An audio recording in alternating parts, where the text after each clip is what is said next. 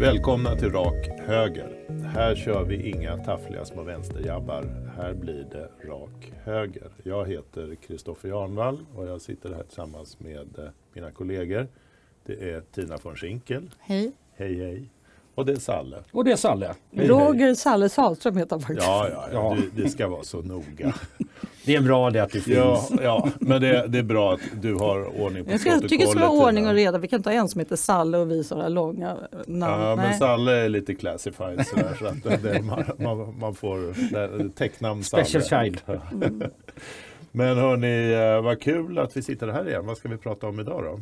EU bland, måste vi prata om, även om många tycker det. det är vansinnigt tråkigt och framförallt journa- svenska journalister tycks Men tycka nu, det, nu är du inne på grej faktiskt att det är tråkigt. Jag tror faktiskt det är det som är planen med allting. att Därför det ska vara tråkigt. Vissa saker som är extremt viktiga pratar vi inte alls om överhuvudtaget. Och andra tråkiga. saker som är viktiga, det tjatar vi sönder i media. Mm. Och det, Så är det faktiskt. Men vad vill du säga med det Salle? Nej, jag ville bara säga att det, det, var intressant att Ja, det men är det kanske, tråkigt. är det inte så att du, du hade en liten eh, tanke där Ja. att det kanske finns en politisk Ja, baktanke? exakt, att man gör det Ja. väldigt tråkigt och så är det ingen som, som bryr sig Ja. och så bara röstas det igenom utan att man vet om det. Till exempel att det står i grundlagen Ja. numera att vi ska vara med i EU. Ja. För det är det som händer nu eh, Mm. om huruvida Sverige ska ställa upp på att skicka 150 miljarder svenska kronor till de sydeuropeiska länderna så att de bland annat kan bibehålla sina låga pensionsåldrar, de kan ha fyra dagars arbetsvecka och medborgarlön. Wow! Ja men det är väl generöst av Ja. oss. Jag känner mig det- jättesnäll. Ja, Kommer det inte är få vi- något av tomten år nu då eller? Och det, och det är ju vi svenskar som vi är ju nettobetalare. Tyskarna, danskarna, finnarna, holländarna, österrikarna. Det och så Men där tyskarna har ett intresse här som inte, Ja. kom, som inte Mm. kommer fram i debatten och det är ju att det handlar ju om Nu öppnar jag en öl. Går det bra? Nej, jag skojar. Jaha, det, det, det är där vi är idag. Det är inte ens fredag. Men jag ska återgå till mitt tråkiga resonemang här nu om eh, valuta som ingen journalist heller vill prata om. För vad det handlar om grund och botten framför allt, det är ju att rädda euron. Just det. Tyskarna har ju haft stor glädje av att de sydeuropeiska länderna varit med i euron. Eh, för de med sina sämre ekonomi drar ju ner värde på, Mm. på valutan vilket gör att tysk industri de kan ju sälja sig utan fan och de är ju jätteglada över det här. Sverige däremot som exporterar väldigt mycket till Tyskland, det är vårt näst största exportland. Mm. Vi, vi förlorar ju på att eh, valutan är, är lägre. Hade Mm. de haft en D-mark som var mycket högre hade det varit extra klirr i kassan. Så Sverige är alltså med på att jobba för, för den här valutan som missgynnar Sverige. Men Det är där, helt ser, där ser du hur goda vi är. Vi tänker så pass långsiktigt för att, så att vi vill rädda framtida barn i Portugal. Det, det är ju, alltså, räddar förstår du hur stora hjärtan vi har här? Ja, Det är- ja. Och, och gud nåde om vi skulle själva komma på att flytta till Portugal och ha Ja, lite blir mysigt. straffbeskattade. Tack Ja, Maggan! Ja, det kommer vi att bli nu för det, den där undantaget ska väl bort. Ja. Vad var Portugal och vad var det Grekland, Grekland, också? ja. Men det, men det är vad de säger. Ja, Ja, det, det- kommer, det kommer. Takes two to tango. någon, någon löser det där ändå. Mm. Det, det, det finns sätt att lösa det där Du på. kan ju inte kräva Portugal att ta högre beskattning. Visst kan vi få flytta dit? Ja, ha låg beskattning. Ja, de kan ju bara beskatta eftersom pengarna skickas väl ändå ifrån en svensk myndighet Mm. till Portugal. Eller till ett bankkonto. Så det är ju bara att stoppa utbetalning Ska eller hantera det. utbetalningen här i Ja, Sverige. ja egentligen då, och, och ska man ändå flytta kan man väl flytta till Paraguay. Men, men, men jag, om vi går tillbaka till det här vad det handlar om. Jag, jag tycker det är sorgligt att man inte diskuterar hur ska vi hjälpa de sydeuropeiska länderna att komma på fötterna. För det är ju inte så att de har, har halkat efter på grund av corona. De har ju halkat efter långt tidigare. Det var andra skäl. Ja, Vi hade ju mm. Grekland med, sina, med sin korruption och vi, även Italien Mm. och sen har vi haft finanskrig kris som har påverkat de här länderna. Men de, det här de, är ju de här, historiskt dåliga ekonomier. ja, Jag och skulle de, använda ett känsligt uttryck här. Mm. Det är kulturellt betingat på något sätt. Här. redan, det Ja. där med. Ja. Men, men vad man inte pratar ju om är ju att eh, de här länderna har ju lånat väldigt mycket pengar av eh, Tyskland och andra länder. Eh, Och i euron. Så att de sitter ju lite fast i det här med höga skulder i euron. Mm. Så att, den enklaste vägen har varit att säga men okej gå tillbaka till era lire och pesetas och sådär och så, så skippar vi euron. Men, men då sitter de där med sina eurolån så det blir inte lätt heller. Nej, Men då kanske man ska prata om skuldsanering. Det, det är faktiskt det är, Mm. det är ju lite samma så här förrädiska system man har kört emot många länder i Afrika. Mm. Man har lånat ut pengar som är helt omöjliga för de här länderna att betala tillbaks. Vilket gör att det här kommer inte att påverka landets ekonomi långt fram i framtiden och det kommer att ge möjligheter för att både då privata företag och andra stater att ställa helt andra krav helt plötsligt. Så det, det är väldigt demoraliserande för ett land det här ju. Ja, men du har ju samma problem i, när du betalar ut bidrag till folk. Ja. Det finns inget incitament och du får de här pengarna. Det finns inget incitament att, att börja jobba för dem istället. Men jag tror de här 150 miljarderna svenska kronor som våra skattebetalare i generationer framöver ska behöva betala. Det är bara en engångssumma. Det här tar inte slut med Nej, nej, 150 nej, det är miljarder. Det är bara början. Detta Det är bara början. bara Ja. början. För det här är ju, nu ser vi ju hur man börjar bygga upp eh, staten EU. Mm. Och alla eh, kan nog vara ense om att Sverige, som det alltid heter, Sverige är ett litet exportberoende land. Ja, det är vi. Och det är jättebra med den här gemensamma marknaden som man hade, den som de flesta röstade Mm. för. 52 procent röstade för den för, för 30 år sedan snart. 48 emot på den tiden. Frågan är hur det skulle se ut idag. Men alltså, det var någonting helt annat vi, vi Det, röstade om. det pratade vi om förra Ja, avsnittet. det gjorde vi. Mm. Ja. Men, men alltså det som, som vi ser nu det är en uppbyggnad av en stat och det här är bara början. Vi, vi blev ju lite lurade på, på väldigt många sätt. För jag, vad hette han, Dinkelspiel som var någon sån här EU... Ja, just Ulf Dinkelspiel. Han, han lovade oss då öl i butiken och vin i butikerna och det, allt skulle bli så mycket billigare. Vissa saker har blivit billigare. Men om vi tar såna här alla, alla de här matbutikerna varje dag. Jag menar, ja, när vi, förr i tiden fanns det typ ICA och Konsum. Det var det som var liksom Ja, men lovade marknaden. Dinkelspiel verkligen öl i butikerna? För Jo, det där var en var- separat fråga. Ja det var ett av argumenten för att man skulle rösta var på. EU var ju att Ja. vi skulle få öl. Vi skulle kunna dricka så öl du, på samma Så sätt. du röstade ja då bara för att det skulle bli öl i Nej, butiken? jag röstade faktiskt ja därför att det var en kompis som sa till mig att man måste, måste vill man påverka EU och svensk eh, jordbrukspolitik Mm. så måste du rösta ja. För att tyvärr är det som så att grekerna tar allting. Mm. Och, Och du var rädd för grekerna? Fransmännen tar det. nej, men det, också. ja, Då fanns det jordbruk när jag var liten. Ja. Det finns Men det han idag. nog i och för Men- sig rätt i. Problemet är att vi tar ju inte chansen att påverka. Nej, vi gör inte, vi, nej. Bryr, vi bryr oss ju inte. Vi har jättestora möjligheter att påverka men vi gör det inte. Nej, Moderaterna som säger liksom, ja, ingår man, nu är det så att Moderaterna kommer rösta ja till det här 150 miljarders paketet. Eh, för de säger så här att ja, men är man medlem i en organisation så får man acceptera att det ibland fattas dåliga beslut. Mm. Så är det ibland. Ja. Alltså varför sitter de där överhuvudtaget om de inte klarar av att slå näven i borden och säga, säga nej tack, det här är inget bra beslut. Nej, jag tror de är rädda för att de vill vara med i klubben. Ja. De kommer inte, alltså den som röstar nej kommer inte vara populär i, i Bryssel och Moderaterna vill vara populära i Bryssel, liksom kodisarna, eller Kristdemokraterna. Mm.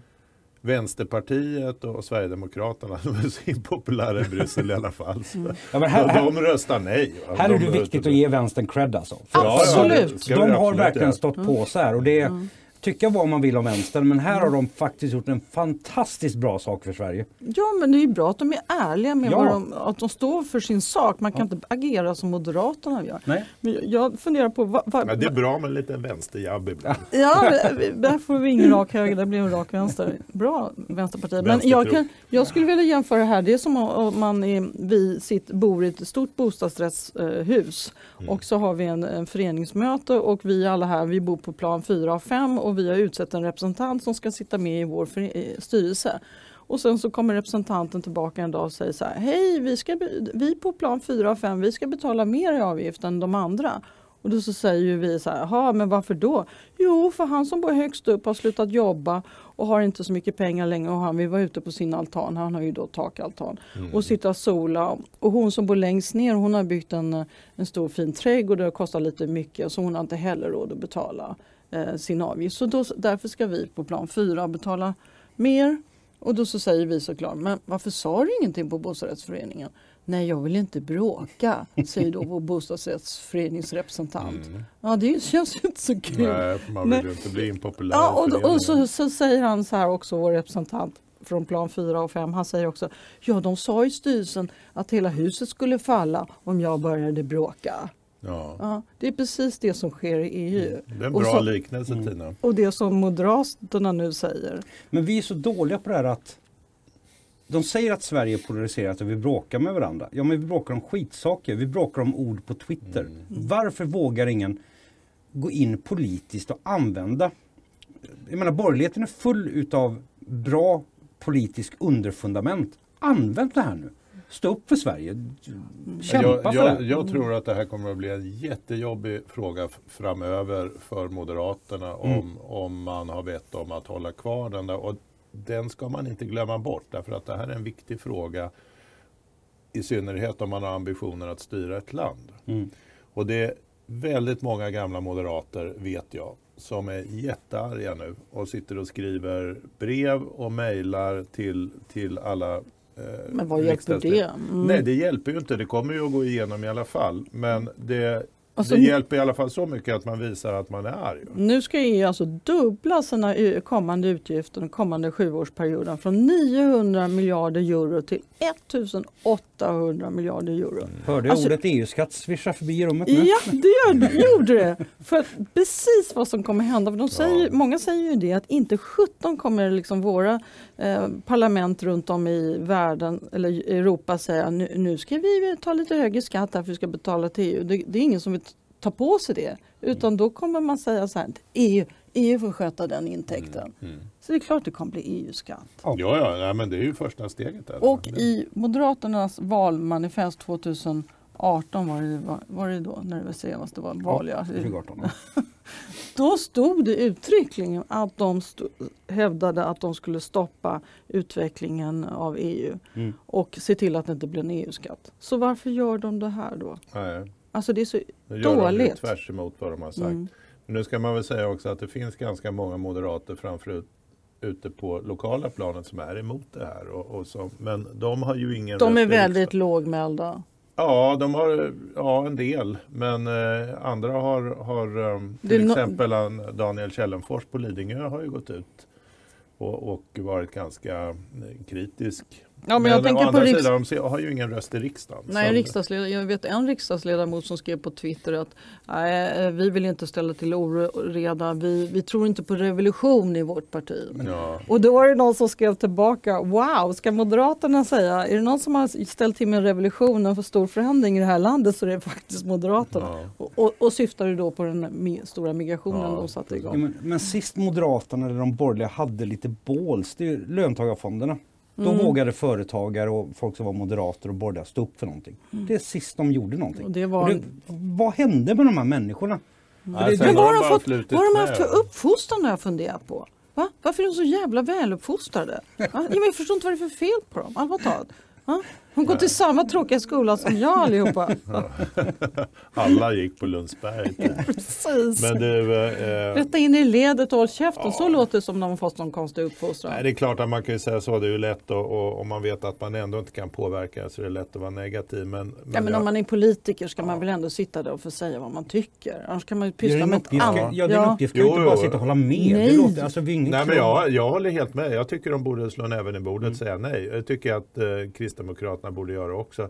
När jag pratar med eh, Kristdemokraterna eh, så har den, den jag har pratat med, eh, Hampus Hagman heter han, det är han som är ansvarig i den här frågan. Han säger rent ut att det finns all anledning att hålla med om, om den kritik som riktas mot det här förslaget. Men vi vill inte sätta EU i gungning. Det är precis som med Mm. bostadsrättsföreningarna. Mm. Så vi kommer att, att släppa igenom det här. Moderaterna vill inte ens svara på riks, och då pratar vi på riksplanet. Den enda som jag har, har lyckats prata med det är Edvard Riedel från Umeå. Han har, förra veckan hade han jätteont i halsen så han kunde inte prata. Och den här veckan hade han också jätteont i halsen. Han skulle spara sig till debatten imorgon. Så han vill inte heller prata. Men på torsdag skulle han kunna prata om det här i alla fall. Men det är så dags då. Det är efter röstningen. Ja, exakt. Så att eh, det här är en jättejobbig fråga för dem naturligtvis. Däremot ute i, i kommunerna så kommer man ju att man har inte, det är ju ingen kommunal fråga såklart, va? men konsekvenserna kommer ju synas ute i, i kommunerna därför att pengarna ska ju tas därifrån. Det är ju där de flesta skattepengarna tas ifrån. Och kommunerna kommer ju också få svårt att, att äska statliga bidrag för det ena eller det andra. Därför att staten kommer inte ha några pengar kvar. De går rätt ner i Bryssel. Eller snarare till Spanien så att de kan vara lediga en dag i veckan. Eller till italienska broar eller till grekiska pensioner. Alltså svensk politik är så i, behov utav, ja för att använda en revolution. Mm. Alltså, sosseriet och Moderaterna de har liksom gått hand i hand nu alldeles för länge. De har sin institution och Moderaterna nöjer sig med smulorna. Det behövs någonting nytt ju. Men den enda som har kommit på det, det är ju faktiskt eh, Annie Lööf. Det är därför hon ser sin chans att bli statsminister. Ja. För hon tycker de för ju ändå samma politik så då kan ju hon sätta sig mitt emellan där. Ja men Annie Lööf vänder sig ju liksom dit det, där hon känslomässigt är mest rätt. Ja, Egoistiskt där- ja, känslomässigt rätt. Det, det, det är därför hon är så farlig. ju. Men ska vi övergå till ett annat farligt ämne? Men nu går vi över till lite vapen, det är ju roligare. Ja, vapen. Ja.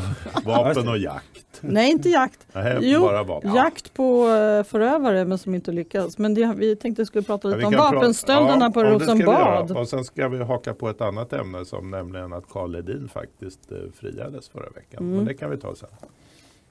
Vapenstölderna på Rosenbad. Mm. Det har ju skett eh, vid minst tre tillfällen så har det försvunnit minst tio pistoler. Och det är inte vilka pistoler som helst utan det är några riktiga kraftiga som eh, jag vet de kallas Ja, för Glock. Ja, men det är Glock, det är en, stand, och för sig, det, är en bra pistol. Det är en standardpistol i svenska försvarsmakten. Jo men du kan mörda människor med dem. Ja, ja, ja. Det är Ja. en 9 mm eh, pistol. Alltså en, en bra, bra pistol. Och sen har det funnit, försvunnit hundratals pa- patroner ihop med de här pistolerna. Ja. Så det är ju inte så att det, det, de, kommer, de har ju stulit för att användas. Annars har de ju Ja, inte ja, stulit nej, men det är patronerna. Det är en av de vanligaste pistolerna. Och nu har har de- Försvarsmakten har de, polisen har väl en annan tror jag, men försvaret I har 17 de. månader har polisen försökt ta reda på vem det är som kan ha tagit de här pistolerna. Fast det är kameraövervakat och överallt är registrerat vilka som har varit där i regeringskansliet. Ändå har de inte en susning om vilka det kan vara. Nej. Eh, De har plockat in Men var det en... inte ett inside-jobb det här? Va? Nej vänta nu, de har plockat in en. En väktare plockade man in. Ja, och men, men honom släppte de och han drog direkt utomlands. Mm. Jättekonstigt. Han Nej, var men- så sugen på att åka han på kanske- solsemester. Ja, Han kanske han behövde betala- komma till Kanarias. Ja, precis. Han har hört att Eliasson var på väg dit också. Det, det som blir så fruktansvärt idiotiskt och skrämmande i den här storyn är att ett av de här vapnen har då hittats hos en 15-åring. Nu stackar han. Han trodde Just det var en attrapp, en låtsaspistol. Och det, han, han, har, han har rymt från ett HVB-hem och har då ringt sina polare i sitt gäng eller någonting eller nu vad det. Och då fått den här Glock 17. Så det är alltså gangsterkids som springer omkring med vapen från Rosenbad. Och vad hände med honom? Ja det hände Nej, väl inte. nej, det hände han, hamnade, han fick väl Mm. bara en bil tillbaka till HVB-hemmet. Och... Mm. Men det som är så... Jag har ju själv jobbat både i riksdagshuset och eh, då som journalist har jag också tillträde till Rosenbad ibland. Och jag kan säga att det är inte världens lättaste byggnad att komma in i. Nej. Och det är inte heller lätt att röra sig där obehindrat därför att det är vakter och kameror överallt. Mm. Så hur är det möjligt då att, vad är det, sju vapen tror jag totalt handlar om? Tio tror jag. Tio kanske till Men, ja. men det är lite det är väl lite, ingen vill riktigt tala exakt vad som, vad som gäller. Så någonting dunkelt är det här. Det, Det- blir och, ju, ehm, det är nog jävligt pinsamt. det är pinsamt. Det är klart det är Ja. pinsamt. Och eh, det, Damberg skyller ju på, eh, jag tror det var Damberg som förhördes i eh, riksdagen om detta. Han skyller ju på att det är säkerhetsbolagets ansvar Mm. att se till vem det är som jobbar där. Och, eh, men tydligen så var det sägs som inte han eh, vill bekräfta det är att regeringen eller regeringskansliet själva de har inte gjort en säkerhetsprövning av de anställda och de som tar, kommer in innanför huset. Vilket är också helt eh, absurt. det, det hela är hanterat typiskt svenskt. Dåligt Mm. och ingen tar ansvar och, ingen, och ingen vill lösa det. Och, Ja. och man har inte gjort sin hemläxa helt enkelt. Men tror ni någonsin att vi skulle få reda på om, det här var, om de här vapnen har använts i någon dödsskjutning? Nej, jag tror inte media skulle vilja skriva om detta förrän någon människa som jag kanske hittar den fuppen där det står. Mm. Och då, då kommer det komma ut. Det är en ny kod på den där 291 kolon 2 Ja. eller något sånt där. Nej, ingen aning vad de sätter i polisprotokollen numera. Nej, men det, de här vapnen är alltså i cirkulation i gangsterkretsar med stor sannolikhet. Mm. Och att polisen och eh, de, det här säkerhetsbolaget inte har lyckats lösa det här, det, det, är, det är under all kritik.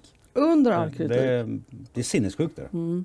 Poli- Polisen har ju lagt så oerhört stora resurser på att utreda jägaren Karl Hedin. Mm. Så att man har inte haft tid. Nej. Det Men, det det här, men det här speglar ju hela Sveriges Ja, det det. Det det. faktiskt. Slapp, slapphet. Ja.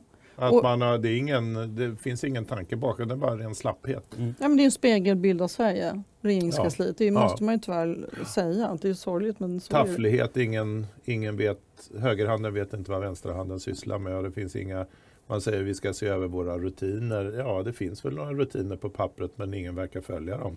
Det När är jag gjorde därför sånt här ja, händer. Alltså när jag gjorde lumpen, då var det när du får ditt, fick ditt lilla vapen där. De, de, säkerhetsföreskrifterna och de reglerna ska Vad hade efter. du för litet vapen? Jag hade Man bara, börjar, man börjar med den här jag hade bara stora vapen. Jaha, där är stora. Men jag är en liten kille. Hur stort var det då? Men vad heter han? Vad heter Carl Gustaf 45 eller vad heter han? Nej, eh, k-pist. K-pist, nej. K-pist 45B 45. hette För så heter det, ja. 45B. Eh, Det är ett löjligt. Fick du det- 100 patroner Ja. med dig också samtidigt? Då? Nej, det fick jag inte. Det var 9 mm. Det var 9 är samma ja. kaliber som den där. Men, men grejen var att det var otroliga föreskrifter för att ta ut det här vapnet och hantera vapnet. Det fann, gjorde någon fel med hanteringen av sitt vapen, då fick hela plutonen lida för det här. Kvarsittning. Ja, det, typ det var så. Det var kollektiv bestraffning olagligt men Där det pågick, man. det pågick ändå.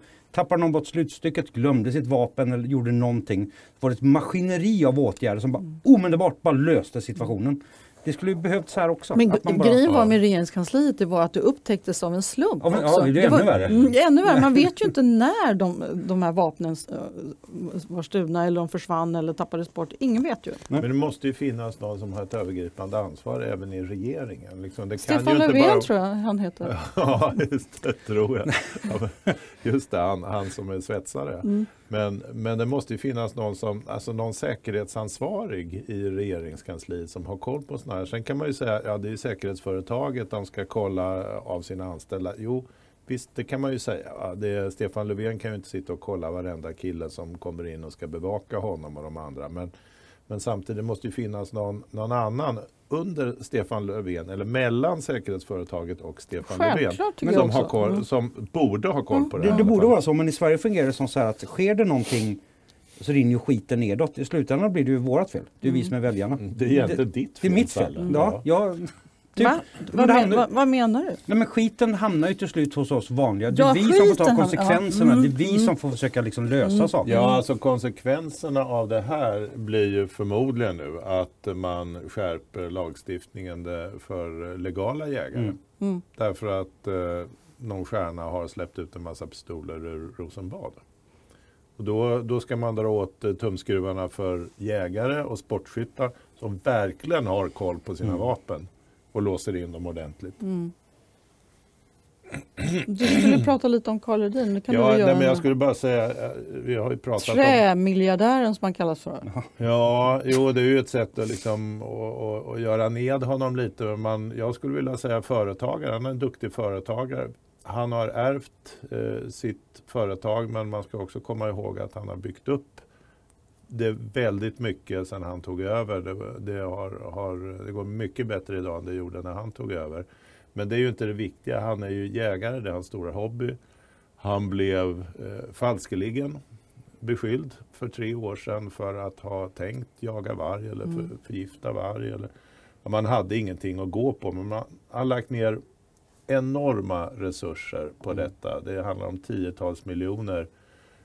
Rättegångskostnaderna inte inräknade och nu i vår har det varit rättegång i Västmanlands läns tingsrätt, eller ja, i Västerås i alla fall.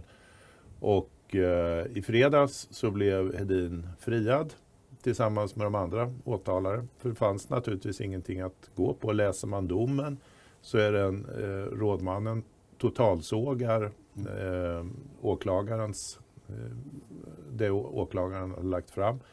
Så att eh, nu får vi se om det här kommer överklagas men jag kan inte förstå hur de skulle kunna gå i land med det för att det, var så, det fanns så otroligt lite att ta på Mm. tidigare.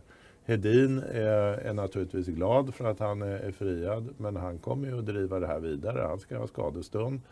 Och, Men eh, Han ska ta tillbaka sina vapen. han ska ha tillbaka sina vapen. Han har fortfarande inte fått det. Nej, men det kommer han väl att få naturligtvis när han är friad. Om, fast får åklagaren för sig att han ska driva målet vidare, då lär han ju inte få sina vapen förrän det är klart. Så att säga. Och, och SVT var ju alldeles upphetsade när domen skulle komma i Västerås tingsrätt. Så de hade ju kastat sig dit och stod där och hade annonserat i förväg att vi sänder live. Och det skulle, och jag kan se framför mig hur de bara satt där och, och skulle trycka på start på färdigskrivna artiklar och hur många år han skulle få i fängelse.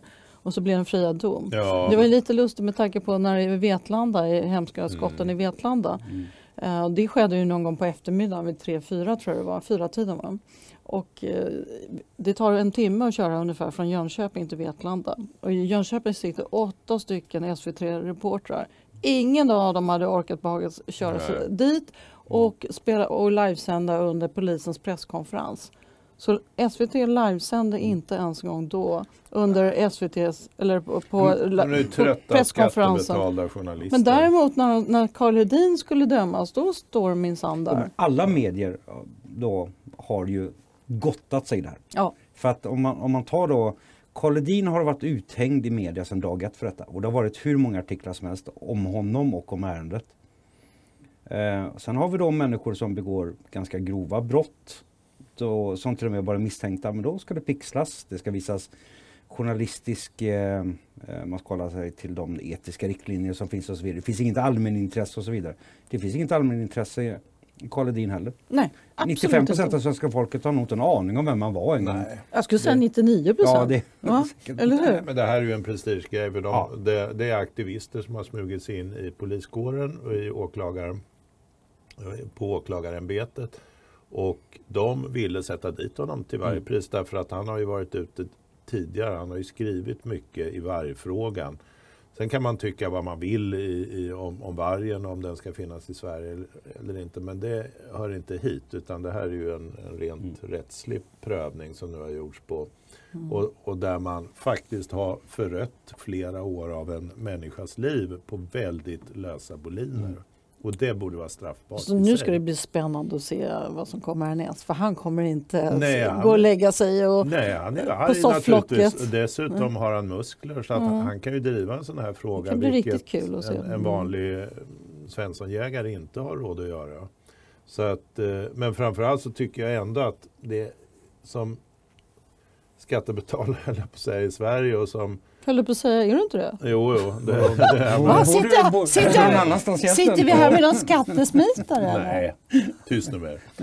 Men eh, jag lyder under svensk lag och jag betalar skatt för att Så det är så. eh, de här poliserna och rättsväsendet ska sköta det. Så jag tycker ändå det är ganska skönt. Jag är jägare också och, och därför tycker jag det är extra Det har vi skönt. inte missat. Nej. Nej. Men, men jag tycker ändå som, som lydande under svensk lag och skattebetalare så tycker jag att det är skönt att vi har en oväldig domarkår som i alla fall genomskådar det här humbugget som, som åklagare och polis har sysslat med. Men det är ju det som är räddningen för oss. Vi kan ha de aktivisterna, vart vi än tar oss i samhället av aktivister.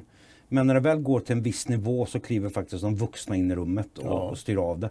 Men det är ju ändå Än så problematiskt. länge. Än så länge. Är- för det är det som är problemet där. Hur långt kan de fortsätta att, att sträcka sin taktik för det här? Därför att det, förr eller senare kommer det att komma en nivå högre upp i juridiken. Och en tredje nivå och så vidare. Och då till slut har vi då ett land av skitstövlar som och då ja, kan det bli värre i Sverige. Ja. Kan det bli värre? Mm. Ja, ja. Det kan det nog, tyvärr. Eh, när vi ändå pratar om public service och SVT så hade de ju de hade en härlig helg faktiskt. Eller hur? De hade roligt på SVT. Det har hänt mycket de senaste dagarna. Ja. Ja, Fredrik, Fredrik Federley, den före detta... Vilket underbart öppet hjärtigt program det var. Jag verkligen kände hur jag blev engagerad i hur Ska- dåligt Fredrik har mått. Ja, han var ju... Det var Fredrik och inte Ursula. Det var-. Ja. Det, visst, det vet vi inte, men det såg ut som Fredrik. Ja. Men han, vi måste bara berätta vem han är. Det kanske inte alla som vet. Han var ju då representant i EU för Centerpartiet. Just det. Men om man är det fortfarande, vet du tusan, för gick Han, är in... uppsagt, han har sagt upp sig själv. Ja, men går man in på Centerpartiets hemsida så står här som fortfarande som EU-parlamentariker där. Mm. Så något det. Ja, han han vill gärna tillbaka. Skulle jag gissa på. Men han satt i alla fall där i soffan hos Karina Bergfeldt och fick gråta ut hur, hur, hur hemskt det har varit. Ja, han har ju varit ihop med en pedofil. Och sen så fick han ju, tyckte han det var jättehemskt. Sen gick han hem och skrev ett ännu sorgligare brev. Eh, hur hemskt det var i tv. Mm. Och där skrev han tydligen, var någon som hade räknat hur många jag han hade skrivit i sitt inlägg där. Det var Just det. 77 Ja, jag. just det. Mm. Ja, Men det är synd om Fredrik. Det är, vi har förstått det Fredrik. Det är synd om dig. Jättesynd. Men Ursula, jag tänkte på Ursula. Det är synd om Ursula också. Nej, men det, är, det är så genomvidrigt det här att, att, att han försöker dölja vad han har gjort.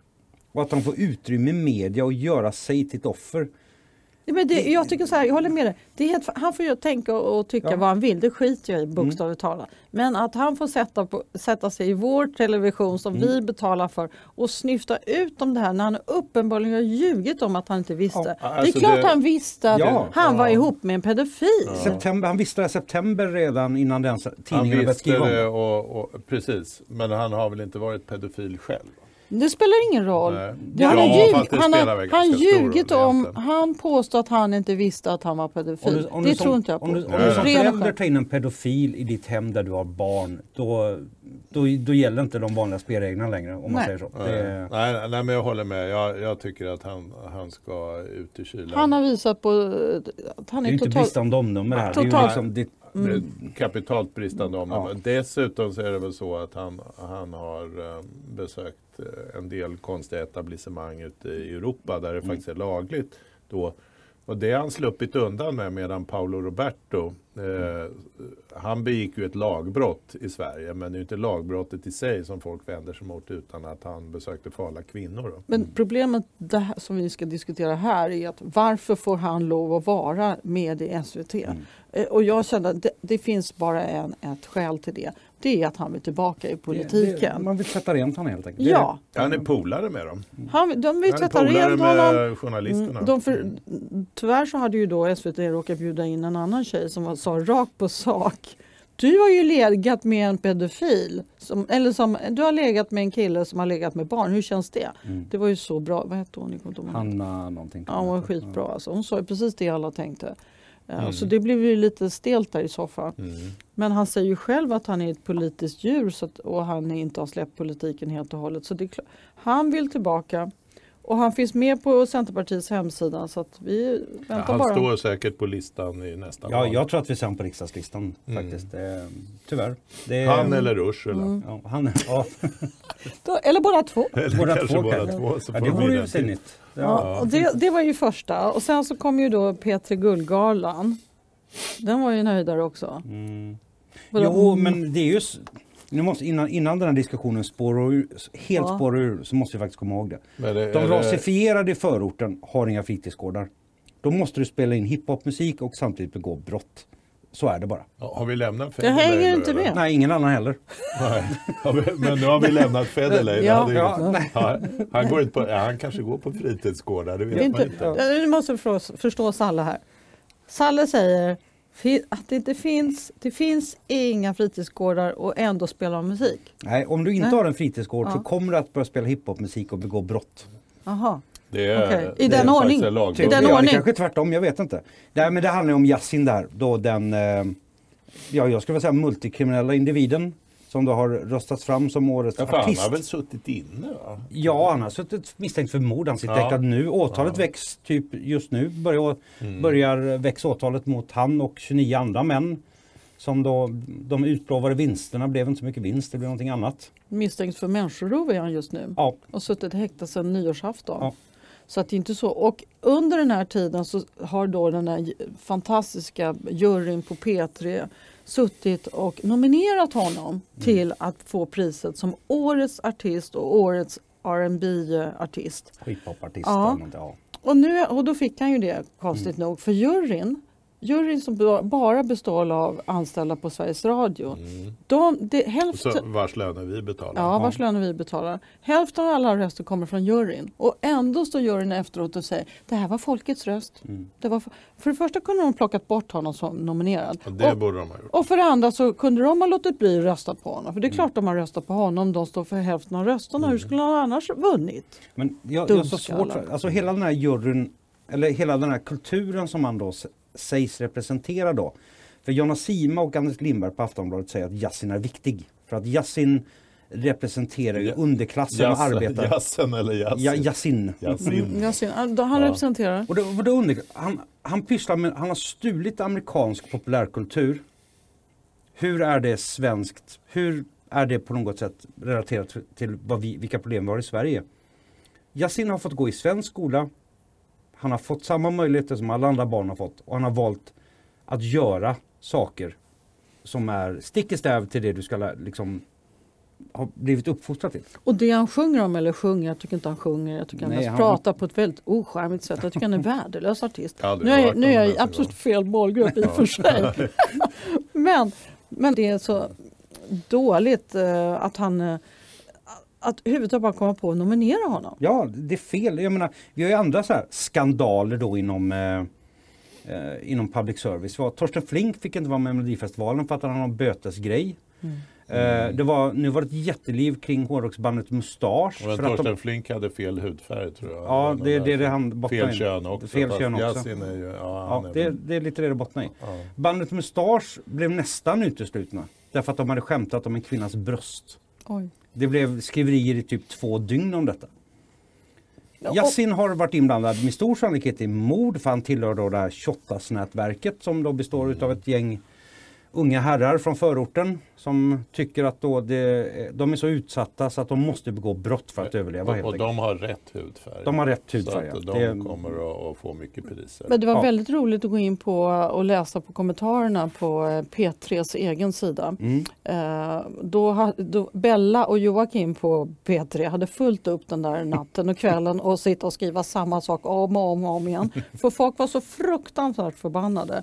Men då, och jag läste en hel del för att jag vill verkligen förstå hur de tänker och resonerar. Men de vill skilja på verk och person och, och, och, men de snöade in sig totalt.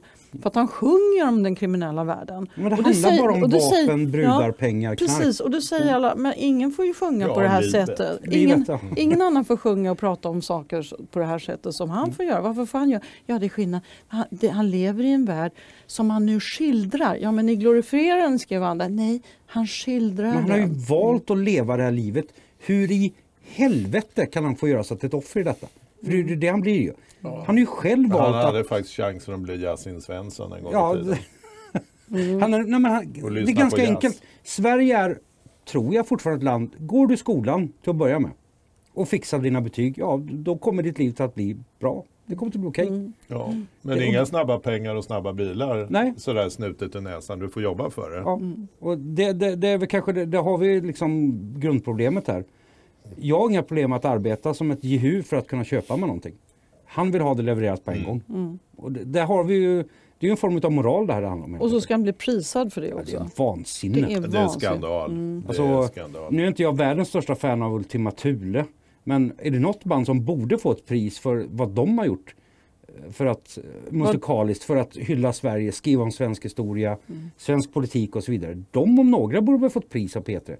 Men det lär de aldrig få. Det lär de aldrig. Nej, det, De Tror du att- spelas inte ens nej, Peter. spelas inte. Det är samma sak med Eddie. Medusa. Det är också en sån där man som Visst, könsrock är inte världens roligaste. även om jag tycker att könsrock är viktig för att på något sätt Vad är visa på det. könsrock? Det är låtar som handlar om kvinnor och på ja, berusade män som Mm. tittar på rumpor och, och bröst. Inte bara titta på. Va? De sjunger väldigt Ja, bild... ja. Ja, Ja, men. Eddie Meduza är ju en sån där rolig. Han hade ju sin genre men jag tror att i en annan hade han växt upp under andra förhållanden och, och liksom blivit skolad så hade han blivit en väldigt bra eh, liksom, satirmusiker. ja vi- absolut. Han är ju duktig. Liksom. Han var det, han är märker- tyvärr död Nej, han är ju död. ja. Men han, men, men eh, han är liksom en begåvad kille, det Ja. märker man i hans texter. För han var väl helt oskolad. alltså, Meduza var ju liksom en, en folkets man. Alltså, han bodde på landet ute i Småland och åkte raggarbil, drack öl och skrev utifrån den verkligheten han stötte på. Han, han skrev om rasism, han skrev om hur fel att vara rasist, han skrev att det fanns rasism. Han, på det här oskalade sättet som de flesta alla människor lever i. Han kom aldrig att bli hyllad på, och han blev aldrig hyllad. Han blev heller aldrig spelad någonstans. Men Peter erkänner att ja, vi spelar inte jazzin lika mycket längre för att det har blivit lite kontro... Ja, Inte lika mycket. nej, det säger de till och med. dag, De, bara går till, de erkänner till och med att det är lite provocerande att spela eh, jazzin så därför har vi slutat eller minskat antal spelningar. Eh, istället för Ultima Thule, får väl inte spelas Nej, allt? nej det, det är de, Sabaton Sab- spelas ja, jag tror knappt Sabaton får spelas faktiskt. Jag tror aldrig jag kan minnas Sabaton? att jag hört det. Sabaton det är svensk hårdrocksband. Mhm. Eh, och de, de spelar musik om militärhistoria. Mm. Det är inte, det är det inte bara får man inte svensk. Det är ganska bra. Ja, det är jättebra. Intressanta texter. De, de, de beskriver om enskilda slag, eh, om enskilda soldaters historia, eh, eh, om kungar och så vidare.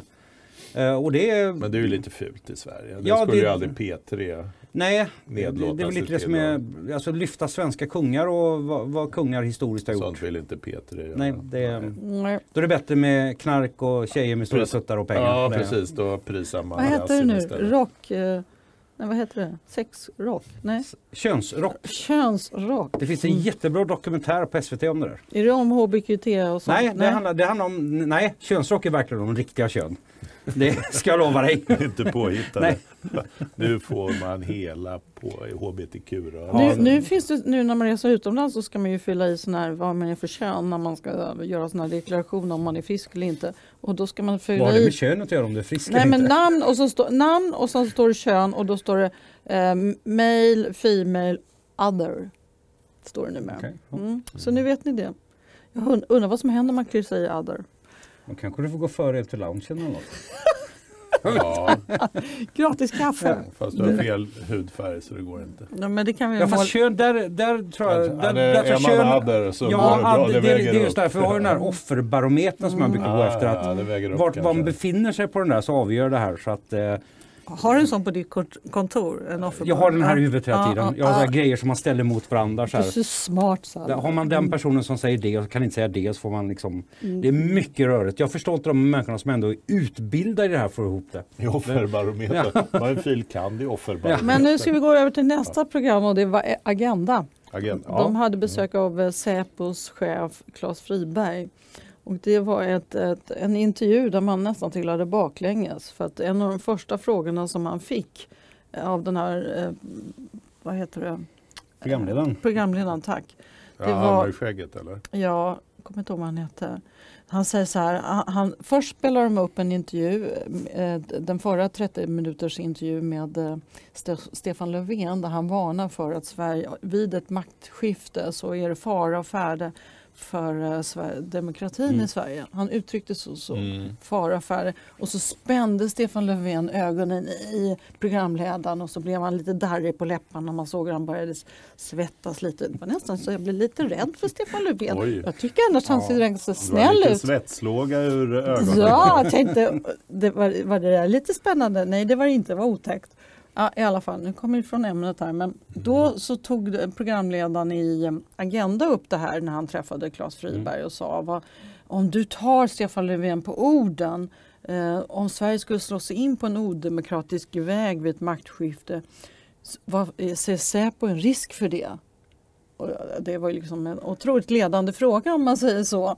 Eh, och då svarade faktiskt Claes Friberg mycket, mycket snabbt och korrekt att Säpo är ingen åsiktspolis. Så det var slut på den diskussionen.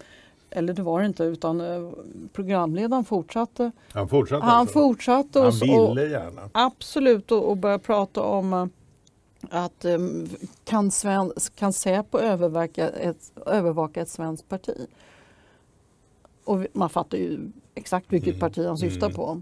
Börja på S och sluta på D. det var inte Liberalerna. Alltså. Nej, inte Liberaler. Så det, det var nästan lite... Mm. Att, att den här diskussionen ens förs är ju, det visar ju på vilket håll Sverige håller på att tappa över till.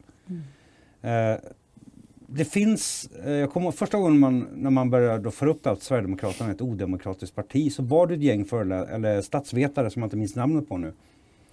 Som, det, det måste vara över tio år sedan, som sa där att lägg av med det här. Sverigedemokraterna är ett demokratiskt parti. Det finns ingenting i deras hur partiet är uppbyggt eller organisation som är odemokratiskt. Det finns inte heller någonting i deras partiprogram som är odemokratiskt. Så varför vill då Stefan Löfven bara fortsätta att trycka in detta? För att den, ja, 25 procent av den svenska befolkningen tror ju att det är så. Ja, men det vet vi varför. Ja, jag vet varför. Mm, ja. Jo, jo, det är klart. Det Du, är svara på det så att vi kan vara extra tydliga. Ja, Nej, men man, det, det, exakt, det, är ju det, här, det som stör mig just nu med hela den politiska debatten det är ju de här Det är odemokratiskt och det är referenser då till 30-talet hela tiden. Det här är, det är inte värdigt ett land som Sverige. Det, det, är, det är verkligen inte, jag kan köpa såna här konflikter i jävla shithole countries alltså, men inte i Sverige. Här ska vi vara vuxna och mogna. Men det är vi inte. Och det, att Socialdemokraterna nu väljer att, för det här kommer att bli deras valtaktik. De kommer att gå full 30-tal. Och vilket är då visar på vilket visionslöst parti Socialdemokraterna har blivit. De, alltså, de lyckades med att genomföra sin politik. De ville göra vad ska de göra sen? De har ju ingenting.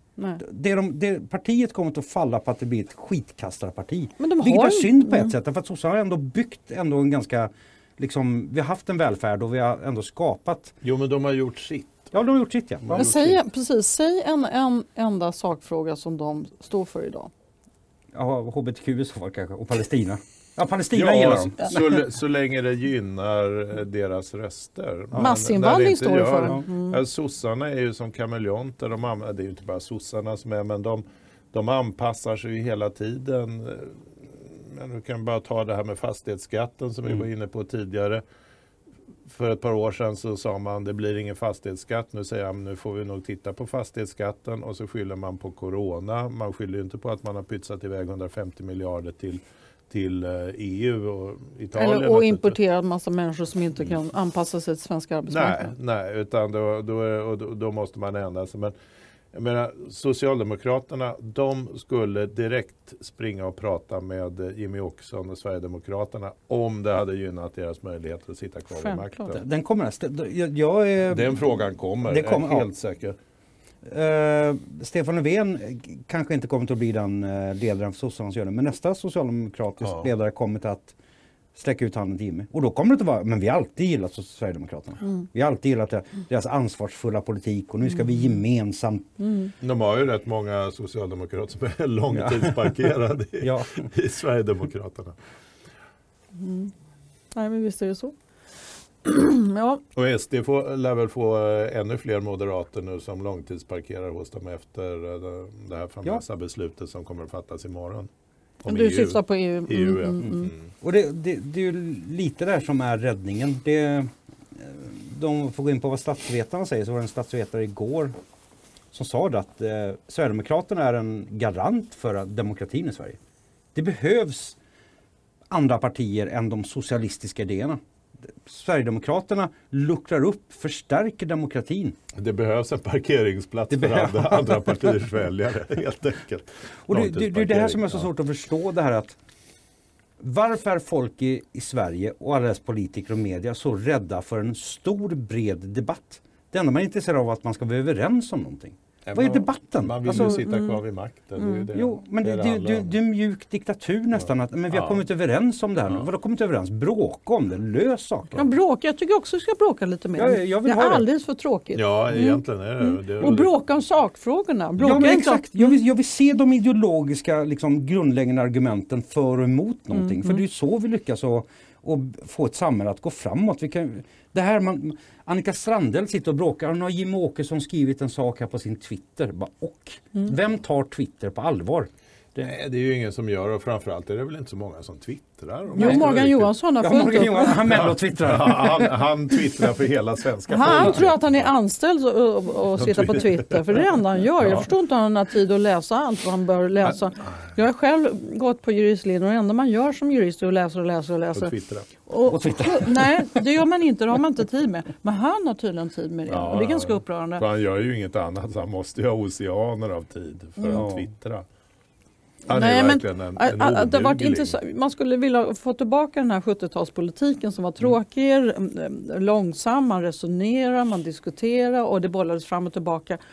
Och det, det kändes otroligt tråkigt men det hände ju någonting så småningom. Det mynnade ju faktiskt ut till 70-talet vill jag inte säga var en bra politik, absolut inte. Men Men det fanns ideologiska diskussioner. Ja. Det är det. För att förr i tiden kunde du du kunde titta på politiker och veta att den här sidan tycker det här. Mm. Den andra sidan tycker det här. Och de ställer sina saker emot varandra. Det har vi inte då. Vi har Ja, bara, men- ni säger ditten och datten. Ni Men hur är... blev det så här då? Var det med obildningen som Ja, smögs in i politik? För Palme, man brukar säga att det var Palme som drog in den här liksom låga nivån Mm. i debatten. Palme var ju ändå en väldigt bildad människa. Ja. Han, han eh, konverserar på både svenska, engelska och franska har jag hört.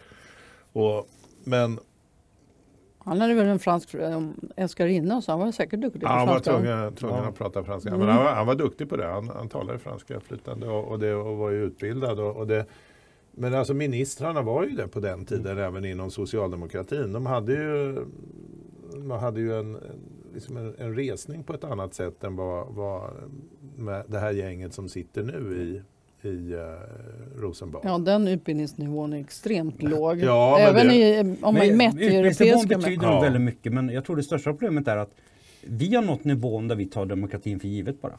Alltså vi är nöjda med att politiker finns och politiker löser det här.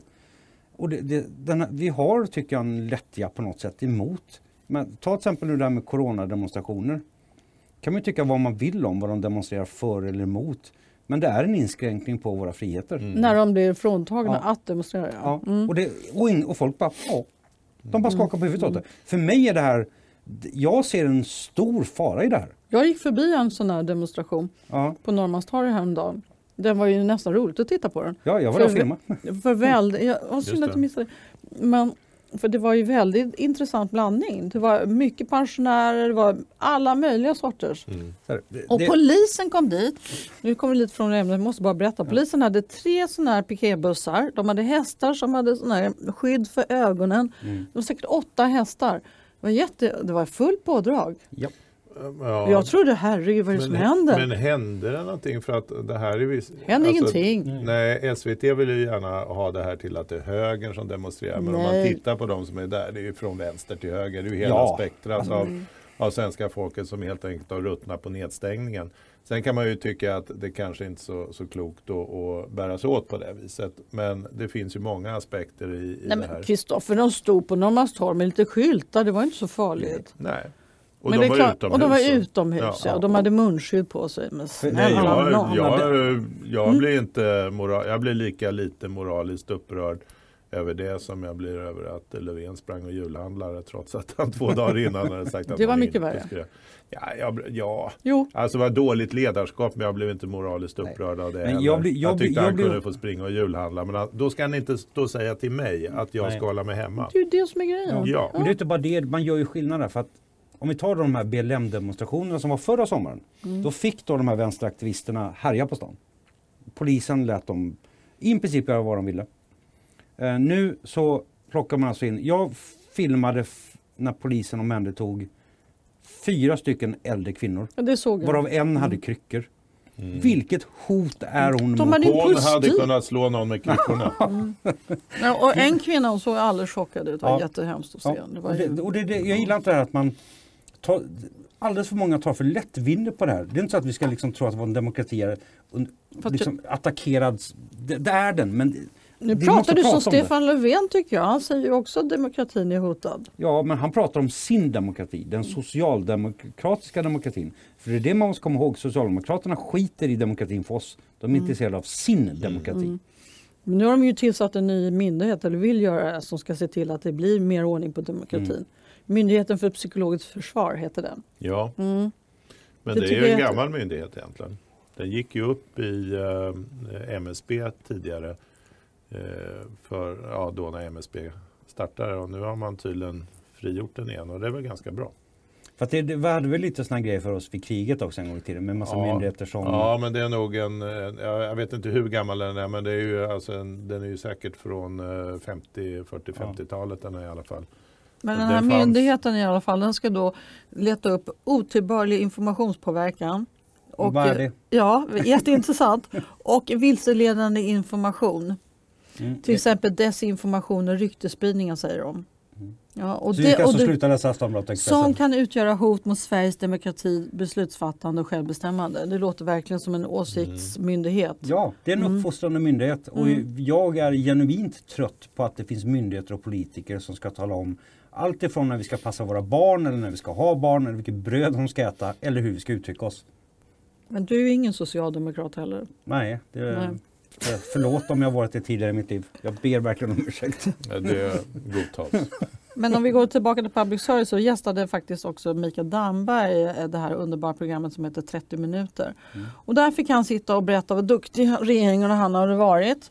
För att de har instiftat en ny lagstiftning som heter eh, HDA, alltså hemlig dataavlyssning. Och det var tack vare den som de nu har lyckats sätta fast eh, ungefär 100 gängkriminella. Men så visade det sig det var ju inte alls enligt den datalagen, för den datalagen den tillåter ingenting i princip. Utan det var ju för att fransmännen hade lyckats knäcka koden på en chattapp som heter Encrochat. Mm. Mm. Och den Encrochatten, den är ju gjord bara för kriminella. Den kan man, den kan man skicka Alltså, här det. meddelanden till varandra som är Det, det, det, krypterade. är egentligen, det är inte bara att chatta, det är en hel telefon egentligen. Det är, alltså, telefon, de, det är ett mm. helt operativsystem för mobiltelefoner. det är. som de och har du lyckats har en sån? Ja, jag har, märkligt nog har jag en sån. Och Men Yasin, berätta, vad- vad det är på speed dial. Berätta, vad är det Du för och någonting? Nej, alltså det, det, de kriminella vill ju självklart jobba i fred från polisen så de slutar använda vanliga telefoner. Så de, de har helt enkelt, någon smart ingenjör har byggt en telefon som var krypterad länge, länge, länge, länge. Polisen lyckades knäcka den. Ja, franska polisen. Ja, nu, till slut Mm. lyckades de. Och det har ju varit ett jättejobb för eh, dataknäckarna inom polisen över hela världen för, för att försöka få knäckt det här. Därför att man visste om det, att de kommunicerade via de här säkra telefonerna, via de här säkra programmen som fanns i telefonerna. Vilket gjorde att nu då som den Vår- Vårbynätverket som det väcks åtal mot idag då. Det är alltså en förundersökning på över 16 000 sidor varav mycket är då teknisk information från telefonerna, alltså vad som har sagts i, i de här chattarna. Och de har alltså beställt avrättningar, vilka banker de ska råna, vilka de ska slå, knarka, för allt finns i telefonerna. Och svensk polis har fått information. De har inte inblandade i att knäcka Nej, det. det är det- fransk polis. Så att Damberg sitter och tar sig äran för det här. Det är, Det är Precis vad jag skulle bara förtydliga lite vad som fransk lagstiftning tillåter. Att de får tillåta att titta, övervaka Mm. och avlyssna den här typen eh, av chatt obegränsat. Mm. Men i Sverige, enligt svensk eh, lagstiftning, den som Damberg satt och skröt om, där, fick de, där får man bara gå in och titta på en viss social interaktion på en viss person under en viss tidpunkt. Du får inte sitta, franska polisen har suttit i flera månader och bara lyssnat och, och antecknat och, eh, och fått in helt nya spelare på så sätt. Det var ju därför de hittade de här svenska killarna. Nu tycker jag så här rent generellt att det är bra att vi har väldigt hårda regler för övervakning. Men när det kommer till grov kriminalitet då måste det vara en lagstiftning som gör det möjligt. Självklart. Staten och myndigheter ska inte kunna avlyssna oss hur de vill. Mm. Det, för vi har inte gjort någonting. Men däremot när det kommer till kriminell verksamhet så måste vi ha ett, ett lagutrymme där man faktiskt gör det möjligt. Och det är det fransmännen har löst det. De och ju- andra ja. länder, då- USA är ju också... Och då skickade fransmännen det här till Sverige och, och svenska poliser och åklagarmyndigheter har ju bara tacksamt tagit emot det här Ja. för de hade aldrig själva kunnat Nej. få till den här informationen. Men det, vad som är då intressant, då sitter Mikael Damberg och skryter om att de har varit så duktiga. Samtidigt som man har en och säger liksom vi hade aldrig kunnat lösa det här och sådär utan, eh, utan den här fina nya lagen, svenska lagen hävdar han. Och samtidigt ska de ha en myndighet som ska tala om vad som är rätt och fel och falskt och inte falskt. Mm. Och så sitter han i 30 minuter och ljuger. Det, det går bra. Det är, ju, Ja. det är ju faktiskt en desinformation som han framför. Ja, ja. Sverige har ju absolut inte kunnat... Går det att anmäla honom någonstans? Ja, du- ja precis. För eh, Överstyrelsen för ja, jag kan eh, med all, psykologiskt Myndigheten för psykologförsvar. Ja. Det kan jag börja med. Skriv ett sånt argt haveristmail till dem med mycket utropstecken och sådär. Så. ja, och versaler och sådär. Ja, Myndigheten för psykologiskt försvar var en gammal myndighet. Det var några gamla farbröder, förmodligen före detta poliser och militärer som Mm. satt eh, där en gång i tiden. och Som inte hörde någonting. Nej, de var nog ganska vettiga. Alltså, de satt på Riddarholmen en gång i Mm. tiden om jag, jag minns det rätt. Och på, men eh, den här myndigheten gick upp i MSB. När bildades MSB? Det är 15 år sedan. Men den nya myndigheten ska sitta i Karlstad och Solna förstås. Ja. Alltid Men det här gamla, när de fanns då förr i tiden kan man förstå därför att då handlade det om hotet från kommunisterna. Ja, ja, Det men då var det Rysslandshotet Ja. och, och Sovjetunionen. Och nu allt, finns alltså. hotet i Sverige tydligen. Och det, Ja. det, det här kommer inte bli som med det här. Det finns hade- ju ett hot i Sverige men jag är inte säker på att det är det riktiga hotet de kommer att titta Nej, på. det tror inte jag heller för det kommer inte att sluta som med FRA-lagen och alla de andra lagarna vi hade mot anti-piracy då, folk som fultankar på nätet. De lovade dyrt och heligt att de bara skulle gå emot de stora aktörerna. Ja, vad hände? Kalle Nilsson 14 år får en räkning på 14 000 kronor för att han har laddat ner en mp3-låt. Det är så det kommer att användas här också. Det är vi som kommer att förlora på detta. Mm. Det är våran frihet, en del av våran av vårt utrymme att vara fria i blir helt plötsligt ännu mindre. Så att Men du det- inte kan sitta och ladda ner Men det är, inte, det är inte en tillfällighet att den här myndigheten ska startas igång ungefär samtidigt som valkampanjen startar igång. Absolut inte. Nej. Så vi kommer att få väldigt mycket bes- eh, tjafs kring eh, vad den här myndigheten då påstås ha hittat, Säkert. tror jag. Säkert. Och som kan bli jäkligt besvärligt Ja. faktiskt. Och expertuttalanden kommer att komma från Patrik Oksanen varje gång. Så kommer han att säga hur, vilka stora konspirationer var det här landet. Han, att jobbar på Expressen eller? Nej, han sitter, jag kommer inte ihåg vilken tidning han sitter på. Han jobbar från tankesmedja också. Men han är ju Mm. konspira- Han, han är konspirations... Han skrev åt Gefle Dagblad Ja, just det. det kanske, ja. Mm. Han ser ju kineser och ryssar i allting. Mycket av det han säger är sant. Men andra saker är ju bara helt Men det finns nog ganska mycket kineser och ryssar som, som försöker hålla koll Oh ja. på Sverige. Så det ska man ju inte underskatta. Absolut Problemet är väl att, att eh, det, man ser lite för mycket. Ja, men det är som ryssar. nazisthotet. Vi, är liksom, vi har typ tre, 30 pers i Sverige som då är nazister kanske. Men det utmålas som att vi har typ tredje riket här mer eller mindre. Och det, och det, det nazisterna gör i Sverige är att sätta upp små klistermärken på lyktstolpar. Det, jag, jag gillar inte nationalsocialism. Men de finns här. Då tycker jag vi löser det på ett vuxet sätt än istället bara få hålla på med Ja, det måste ju rimligen finnas större hot än nassar som springer och, runt i, i sina uniformer. Enligt. Damberg är nog vi ett större hot snart. Oh ja, oh ja, vi är mycket större hot. Absolut. Ja, ja, Mm. för att eh, vi tillhör ju den eh, borgerliga sidan. Raka höger. Raka, Raka högersidan. Ja, raka högersidan. Och då eh, blir vi ett hot. Mm. Men vi tänker inte ge oss. Nej, Trots det den här tänker vi inte Myndigheten för psykologiskt försvar. Ja, nej. Det- Ja, men då vi ska inte vi- ge oss. Har vi då något har mer jag- att prata om? Nej. eller? Nej. Ja, tack och hej höll jag på. Tack och hej leverpastej eller puss och kram vi ses på stan. Eller vad det är vi säger nu. Jag vet inte, ni säger inte konstiga saker. Jag säger bara tack och hej typ. Jag tycker det räcker. Tack och hej nästa tjej. Tack och hej nästa tjej. Ja. Okej, den tar jag också. Tack och hej nästa tjej. Okej, Tack. då hörs vi. Tack för att ni lyssnade.